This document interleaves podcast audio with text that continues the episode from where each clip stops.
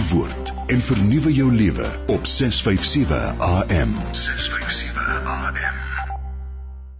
Hierdie is die program Vreugde Joy. My naam is Bertha Leroux en nou sit ons reg vir plus 50 kuiertyd. So uh, ek hoop jou koppie koffie is reg en ons gaan heerlik kuier vanoggend.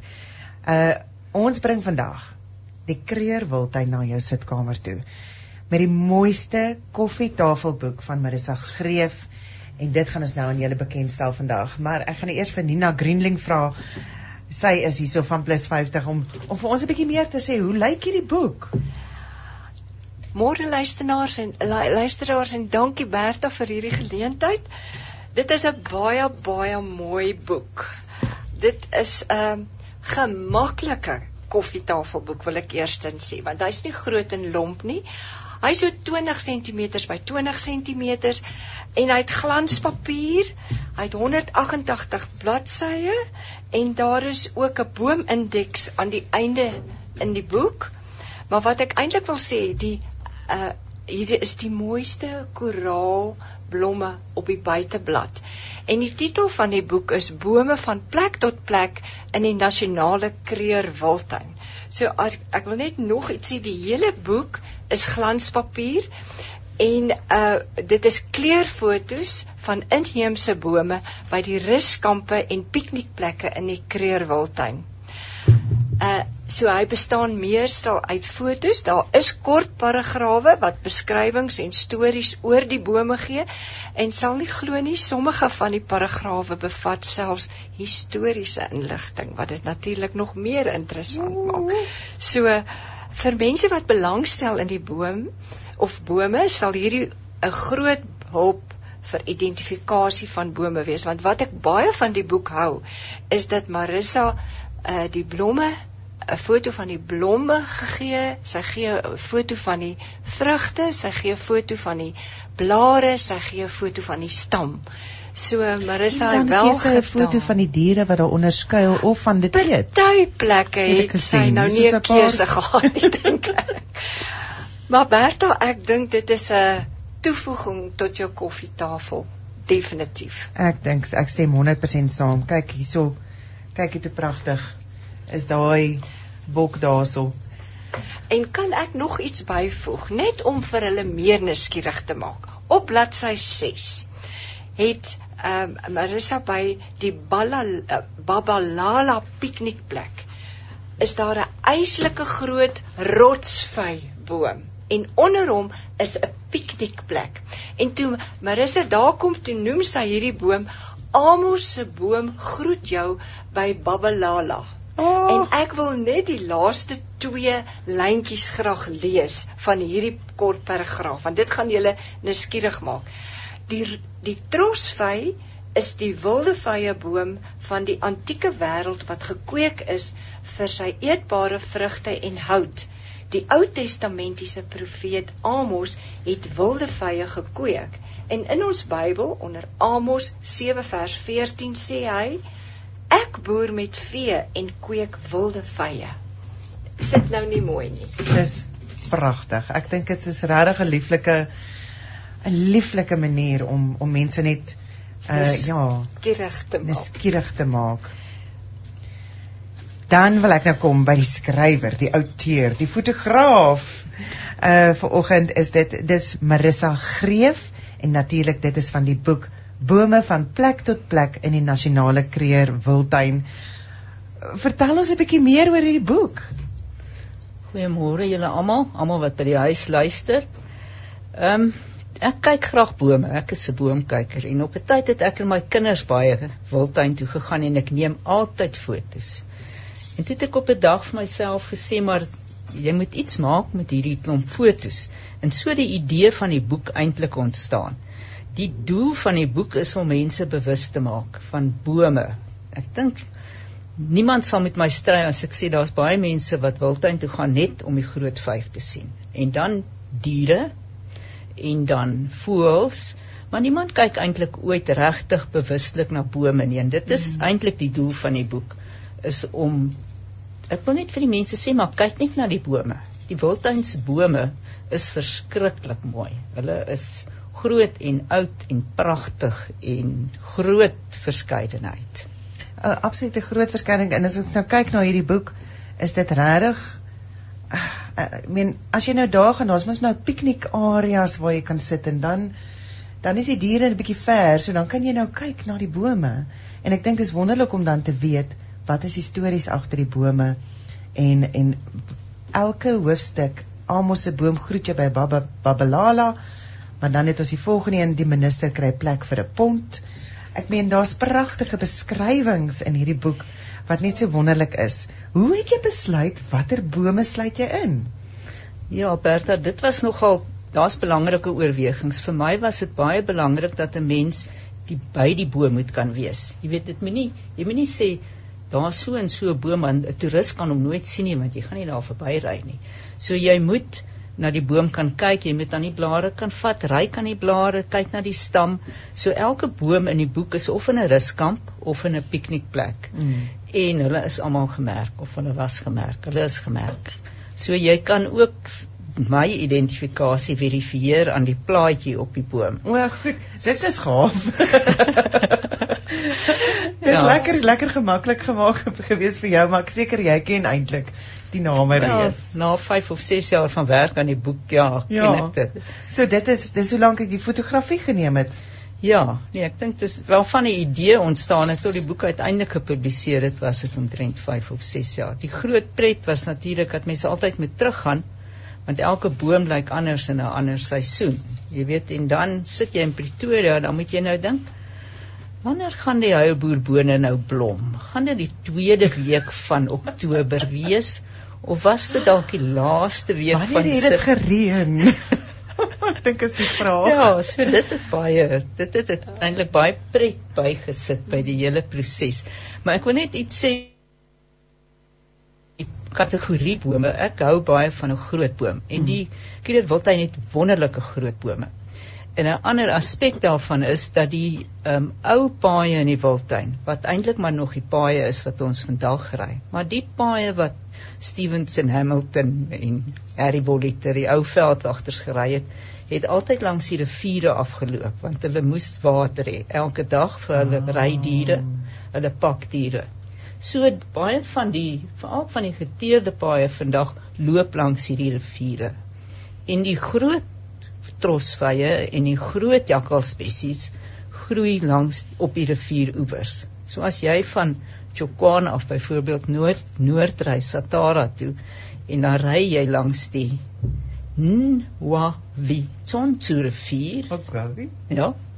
Well done. En en jy sien vreeslike pragtige uh, trosvye wat opvallend is want hulle is so geel. Een van sy streeksname is geel riviervy.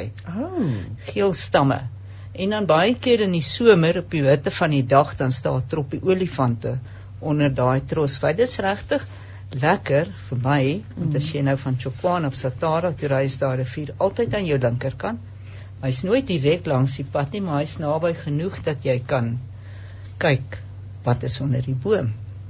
Dit klink pragtig. Mm. Dit klink regtig uh, baie mooi en as ek nou dink as jong dogtertjie het ons kreer Wildtuin toe was en toe later dit nou my uh, my eerste dit my eerste kind was toe nou ook al daar wat ons nou ook weer gegaan het. Ja. Hoe wonderlik dit net was om uh wat as jy nou gaan oorslaap daarso as jy in 'n ruskamp daarso is. Hoe wonderlik dit is om om daar te sit en te kyk na die natuur skoon en dis natuurlik die bome wat ingesluit is. Uh dis ja. daai wat wat belangrik is. Ek wil net vra jy het net genoem van jy wonder wanneer blom hierdie boom, wanneer dra die vrug so so. Het jy dan 'n informant gehad daar wat jou kon help om om te om te sê luister o, ek sien nou die koraalboom het nou sy blomme aan. Nie regtig nie. Ek moes eintlik maar die seker die ruskampe gebel het en gevra het, maar ek het as jy een van my vriende was en ek het gehoor jy was nie wild nie. Net dis wat ons uitvra. Het die koraalbome al geblom? Weet jy of die worsbome al geblom het? Weet jy wat is die koraalboom? Weet jy wat is die worsboom? so ek dink jy vriende ja. het lekker kennis opgedoen ook saam met dit. Ek hoop so ja, hulle hulle is in elk geval attent gemaak op die bome van die Kreerwildtuin. So na 5 jaar het hulle geweet ek moet gaan kyk want Marissa wil weet. Mm. Dis reg. Hoe wonderlike netwerk het dit ook nie net vir jou geskep ja. nie. O, en, en dit word natuurlik in die stories weergee in hierdie pragtige boek. Hoe gaan dit nog met die bome in die boek? Is hulle nog daar? Staan hulle nog? Weet jy ja, die bome is eintlik almal nog daar. 'n Boom, baie bome, die groot bome, waarvan die kleintjies ook leef eintlik baie langer as 'n mens dink ek. En die bome wat in die boek is is omtrent 10 jaar oud. Hulle is nog almal daar. Ek probeer om so eenmal in 2 of 3 jaar van bo tot onder te ry, van Punda Maria af tot onder by Bergendal en net te gaan kyk dat alles mm. nog lewendig is. Mm. En op dieselfde plek. Jy weet jy kan nooit weet of 'n boom dalk sy wortels optrek en verplaas nie. en dit kan stap. Dis nie, ja, nee, dis nou klaar grappie, maar die, nee, die een boom wat wat wel in die slag gebly het is die flamboyante in Pretoria skop. Op daai groot grasperk voor die restaurant was daar 'n ja. sirkel flamboyante. Maar hulle het dit is uitheemse bome. Mm. Hulle is seker nou maar in die tyd wat die ruskampe ontwikkel is in die 1930s geplant en hulle het begin doodgaan en hulle word dan nou vervang met kiaatbome. Mm. Wat ook wat pragtige groot inheemse bome is, is die bome daai groot ronde borselsaad klink wonderlik. Ek kan sê en en wat is jou gunsteling boom in hierdie boek? Die een wat ek nou is nou so te sê kies tussen jou kinders asseblief. Ja, ek het ek het toe nou boom wat ek dink alle Suid-Afrikaners 'n sagte plek vir het. Hmm. Want hy is so groot en hy's so oud, jy weet, hy's ons almal se so groot oupa. Maar die een wat my persoonlike gunsteling altyd is, is die Nyala bome op by die Mpongolo rivier. Dit is in die omgewing van Shinwetsi. Dis die mooiste bome met die vetste stamme met vreeslike baie knoetse en gate en ja, en hy het 'n groot ronde groene groen kroon met so geel blaartjie hier en daar. Hulle is net ongelooflik. Dit klink asof dit 'n boom is wat regtig naby is. Daai daai is vir jou bome wat naby aan jou hart is. En ehm um, dankie. Dankie dat jy dit met ons gedeel het in hierdie pragtige boek. Uh en en dat dat jy vir ons daai geleentheid gee om, om net so verlief te raak op die bome en die natuurskoon van ons pragtige land. En natuurlik dan nou spesifiek ons wildtuinbome. En dit maak sommer die mense weer lus om weer wildtuin toe te gaan en dit te gaan besoek en te gaan kyk na hierdie pragtige bome. Almal beskikbaar, almal by die ruskampe. So jy kan al die bome wat hier binne is, kan jy uitklim en jy kan dit nou sien. Ja, elke ruskamp. Die diere wat hier in is, kan jy nie aanvat nie. Ja. elke ruskamp het dan minstens een boom, party het 3. Ehm um, daar was ook byvoorbeeld die krimetarte, het 'n krimetarte afgeneem op verskeie plekke Jy weet die sogenaamde suidelikste krimetart wat naby Chokwane is, is in die boek. Ehm um, daai krimetart wat so teen die koppie sit, nee, Mpani se krimetart, die een wat in die kamp is, is is die krimetart van wat nou by Mpani is. Ehm um, ja, so elke kamp en rus rus ag piknikplek en ruskamp het minstens een boom is daar. Dis maar ek sê ook vir jou waar die boom is. O, dit is wonderlik. Daar's geen uh, raaiskote nodig nie. Dit is 'n wonderlike geleentheid vir jou om die Kreerwildtuin te betree met kennis van die ja. bome en dan om daai liefde saam te ontwikkel. So die bome van plek tot plek in die nasionale Kreerwildtuin. Dit is die boek se naam. Marissa Greef is die skrywer en dit is beskikbaar by Brisa Publikasies in Soutpansbergweg in Pretoria en dan boekwinkels soos Baken Books en Exclusive Books, jy kan dit daar ook gaan soek. En as daar nie voorraad is nie, sê vir hulle, waar is hierdie boek? Bome van plek tot plek in die nasionale kreerwild en ek wil hom graag kry. Dan ehm um, Marissa, as enige luisteraars vir jou wil kontak, kan hulle maar vir jou e-pos stuur. Ja, jy is baie welkom. Ek wil net byvoeg die boeke is in beide Afrikaans en Engels gepubliseer. Ah. En Afrikaans en Engels is presies dieselfde behalwe die taal wat verskil.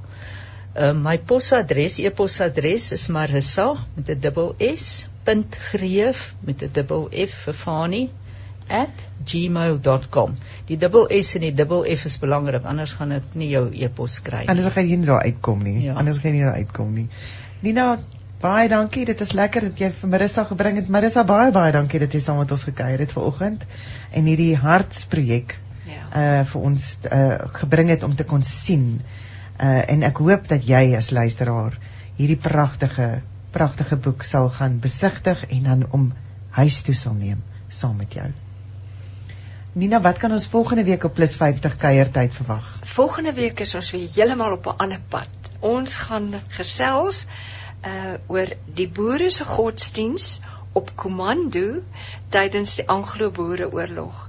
En ons kenner met wie ons gaan praat is professor Frans Johan Pretorius. Hy is 'n emeritus professor by die departement historiese en erfenisstudies by die Universiteit van Pretoria.